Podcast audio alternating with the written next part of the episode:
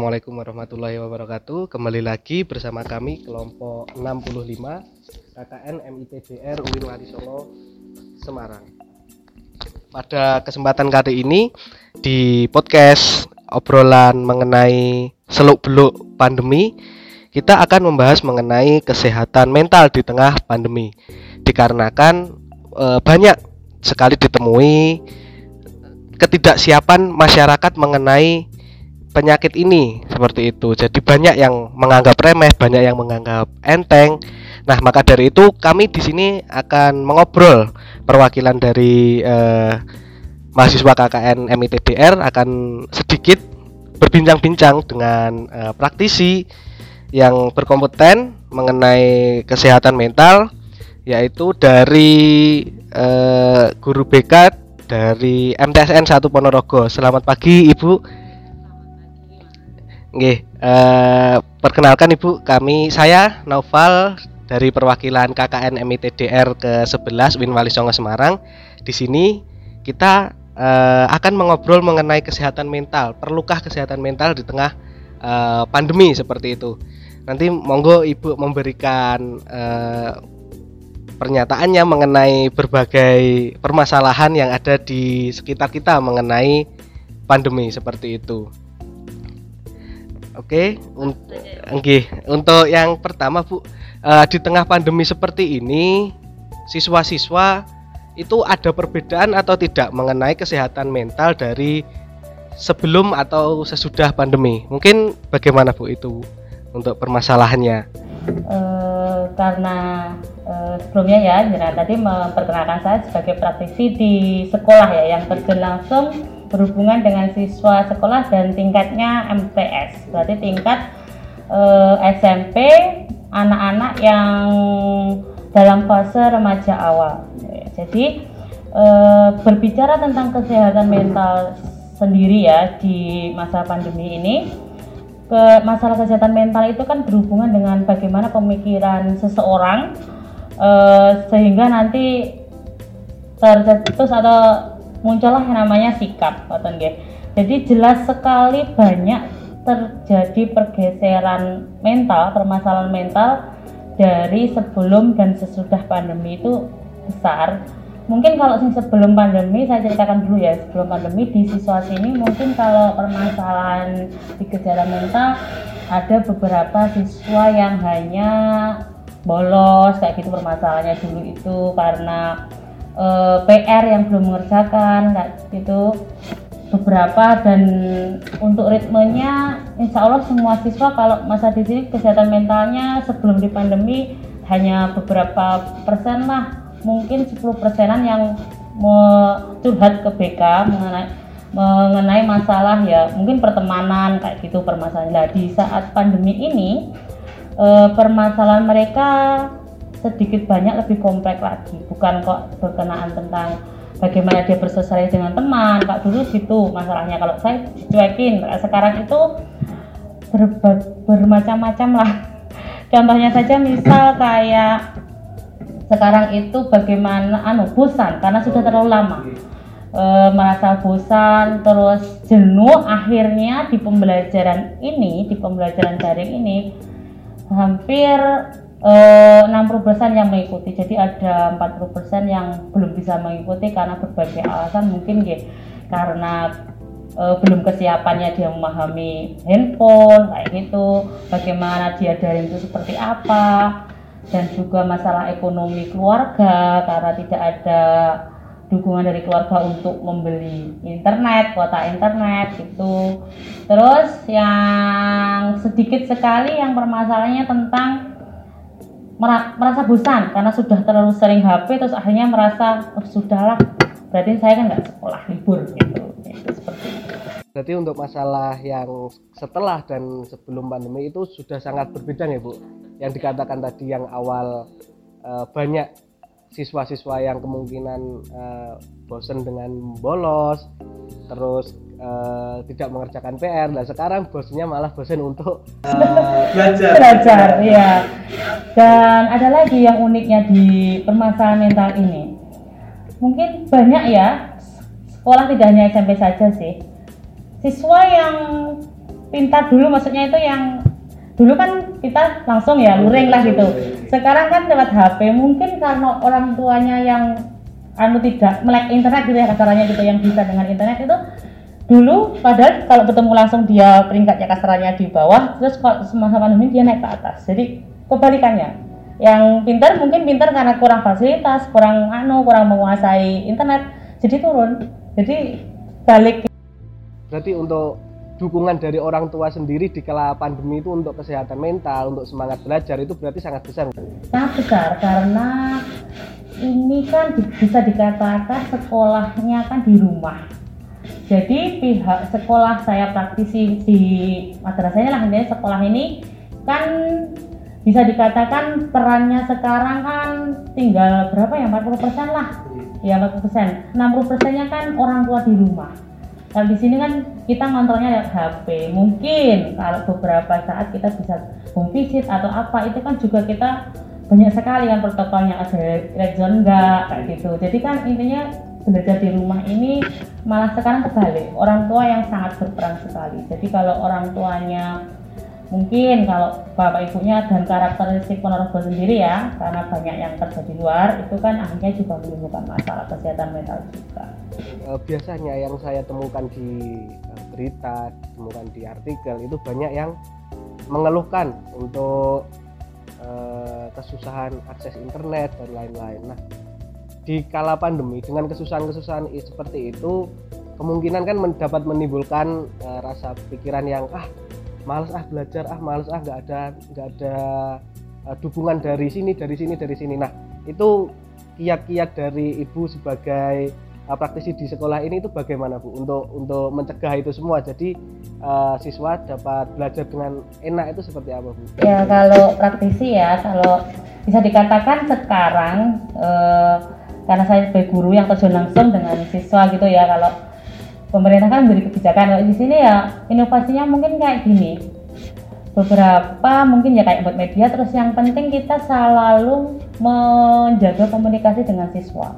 Jadi sebagai guru sekarang kerjanya bukan kok dari pagi jam 7 sampai jam 12 kadang-kadang gitu. Sekarang 24 jam. Jadi kan banyak sekali siswa yang sering tuh yang WA bu kok bosan kapan masuk kapan masuk seperti itu. Jadi sekarang kiat-kiatnya ya itu nomor-nomor siswanya disimpan semuanya nomor-nomor siswanya disimpan nih. Jadi misalkan dengan adanya sosmed misalnya ya Instagram dan sebagainya itu sering komunikasi. Jadi misal kalau dia mulai agak bosan gitu. Nanti kan ya dikasih tahu diedukasi lah. Ini karena kayak gini loh nak. Jadi kalian kan bosan iya tapi jangan sampai kalau pergi ke warung dan sebagainya itu kan ya nah yang membuat itu pandemi ini semakin panjang kan itu. Jadi anak-anak itu kan pikirnya enggak orang tuanya belum menciptakan kesibukan lain akhirnya kan setelah belajar terus ke mana lagi? Dan mereka kan edukasinya masih rendah sekali untuk anak-anak. Jadi pergilah ke warung dan semuanya. Nah itu kan nggak berhenti nanti. Di situ kan penular lagi dan mungkin ada beberapa yang sampai ini karena merasa bosan ada saya ya mungkin saudara saya juga sendiri ya karena terlalu ini butuh pergi ke psikolog yang lebih anu. Hmm. karena merasa kemampuan saya dulu itu seperti ini ternyata kok setelah pandemi kok kalah dengan yang lain jadi anak-anak yang merasa dulu itu saya katakan oh. tadi ya mas ya yang di nyatanya itu anu kenapa kok sekarang tergeser? Kayak gitu.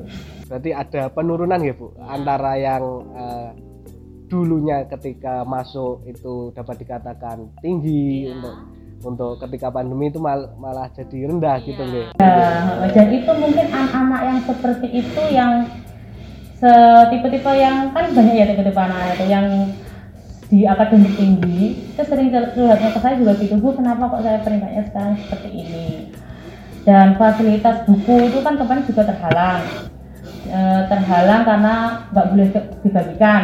Jadi kan mereka fasilitasnya di rumah kurang banyak untuk apa itu jenenge sumber ilmunya. Jadi akhirnya kan bu ini kok anu bu nanti diambilkan tak punya dan sebagainya seperti itu. Jadi permasalahannya ya blunder sekali. Okay. uh, eh, mungkin kalau boleh saya tahu lagi misalnya untuk anak-anak sekarang termasuk saya juga yang bisa dikatakan anak milenial seperti itu. Nah uh, banyak yang apa ya istilahnya introvert lah inilah itulah jarang keluar, jarang uh, bergaul di masyarakat di uh, tengah pandemi. Memang untuk bergaul di masyarakat sendiri di kala pandemi memang sangat ditekan untuk tidak dulu untuk uh, mengurangi penyebaran. Nah, uh, kalaupun kita di rumah terus, apakah itu bijak bu untuk untuk menjaga kesehatan mental kita? Sedangkan kita kan masuk ke sosial yang dibutuhkan untuk sosialisasi, untuk uh, bergaul. Nah itu gimana bu kira-kira? Ya benar sih mas. Kalau anak-anak introvert itu yang saya rasa di pandemi ini yang mempunyai masalah yang sangat besar karena beberapa anak ya yang saya temui kenapa kok nggak ikut di pembelajaran online ini anaknya bingung dia memperoleh menafsirkan perintah bapak ibu guru dari tulisan itu gitu. jadi kan kadang ada beberapa anak yang kurang bisa menafsirkan tulisan itu bagaimana perintahnya. Jadi mereka karena memang ya masih remaja awal belum bisa memanajemen diri belum bisa me ini kedewasaannya belum ada. Jadi sudah itu ditutup terus dia ya sudah tidak ada tugas. Jadi mindsetnya dibuat seperti itu.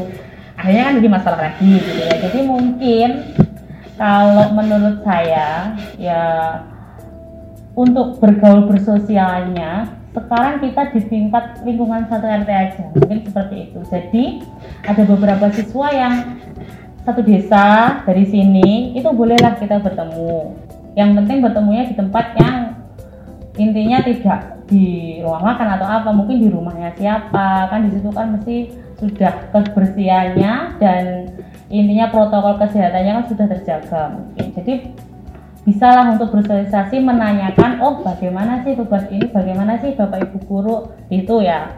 Dan juga ya bisa mungkin anak-anak sekarang lebih aktif ya menanyakan. Kalau di sini masalahnya itu anak-anak malas bertanya banyaknya itu malas bertanya ke teman, malas bertanya ke guru, ya sudah menafsirkan sendiri sepahamnya dan tidak berimbal balik mungkin.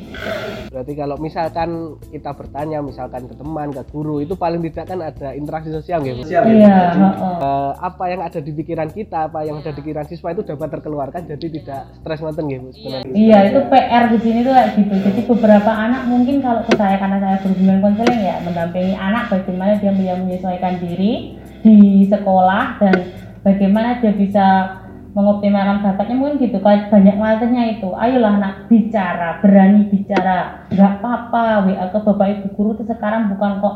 Hal yang dulu kan dianggap tanya dengan yeah. bukan sebagai protokol yang harus dengan anu tata kayak gitu ya. Mau bertanya aja mikir ya dulu ya mas. Seribu kali gitu kalau sekarang nggak usah bertanya aja sebisanya. Nggak apa-apa itu juga proses sosial. Nah,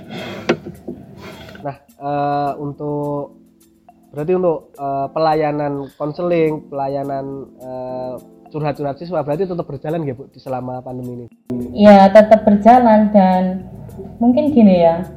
Uh, kalau Bapak Ibu guru kan di mapolnya kan mungkin di satu kelas itu. Kalau sekarang bimbingan parahnya mungkin kayak lebih banyak lebih berat lagi lah saya rasakannya gitu tidak kok hanya memberikan informasi edukasi kan ada pelayanan informasi ya tapi juga bagaimana membuat anak itu uh, stabil secara mental biar dia tidak terlalu goyah untuk gini goyah goyahnya mesti gini. Dia sudah oh males gitu. Akhirnya kan nggak ngerjakan jadi peran bimbingan konseling itu tetap berjalan sangat sangat maksudnya sangat berjalan kok di sini. Tetap walaupun cuma tiga guru ya di sini ya.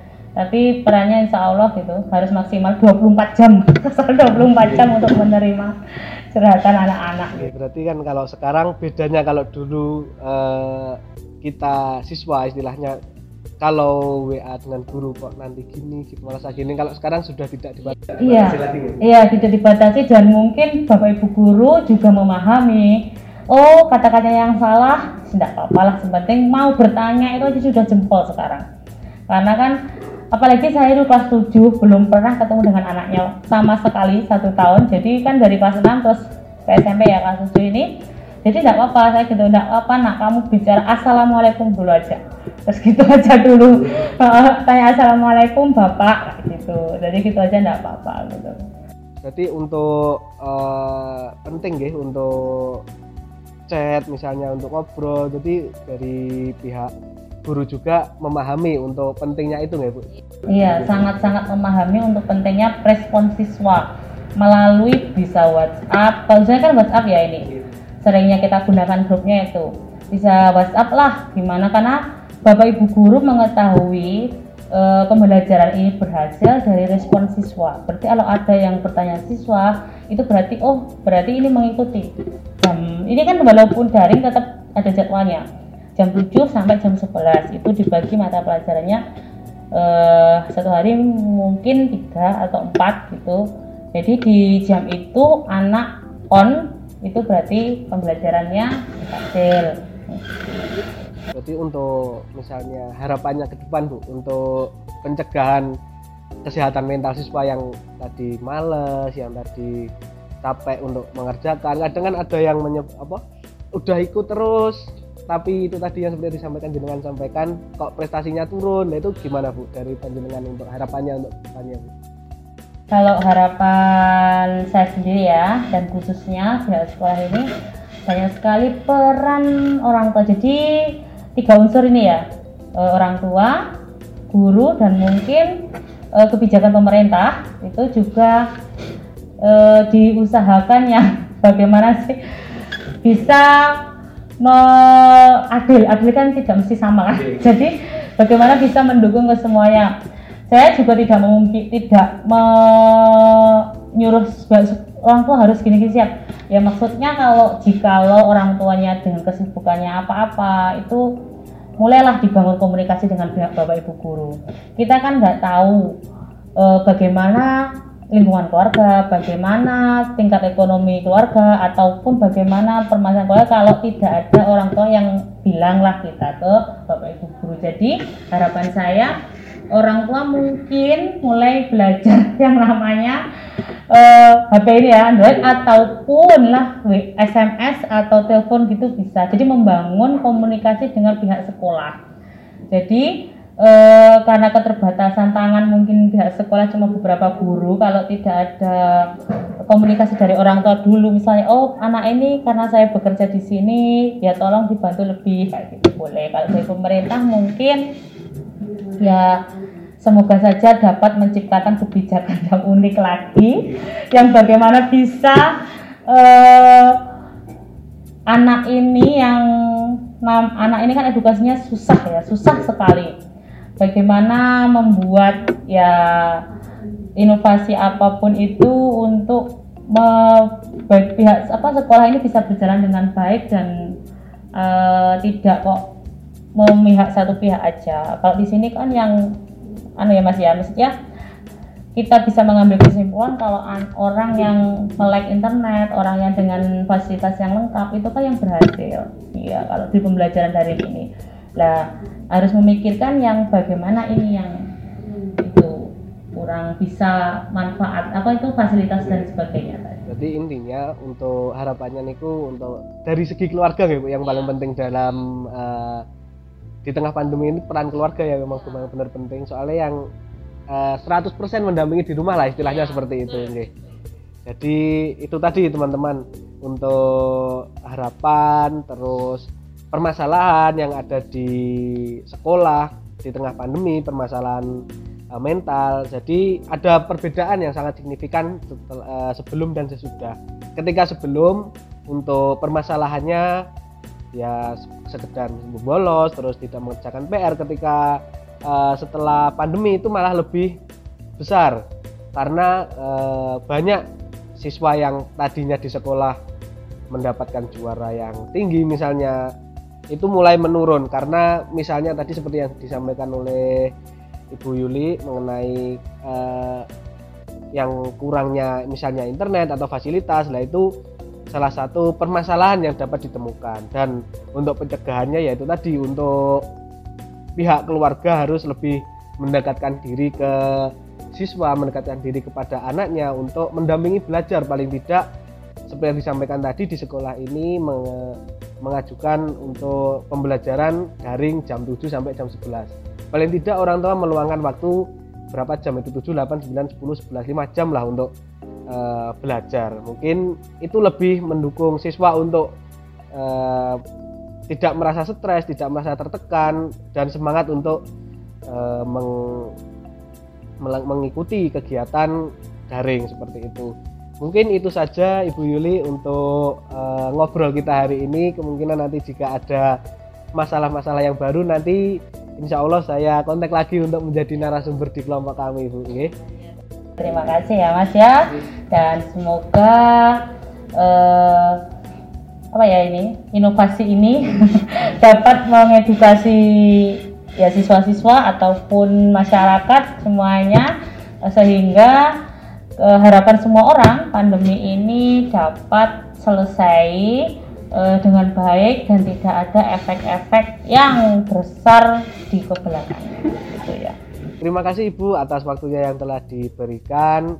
Saya atas nama kelompok 65 KKN MITDR ke-11 mengucapkan terima kasih yang sebesar-besarnya kepada Ibu Yuli yang telah menyampaikan banyak cerita mengenai kesehatan mental yang ada di yang dihadapi oleh siswa seperti itu.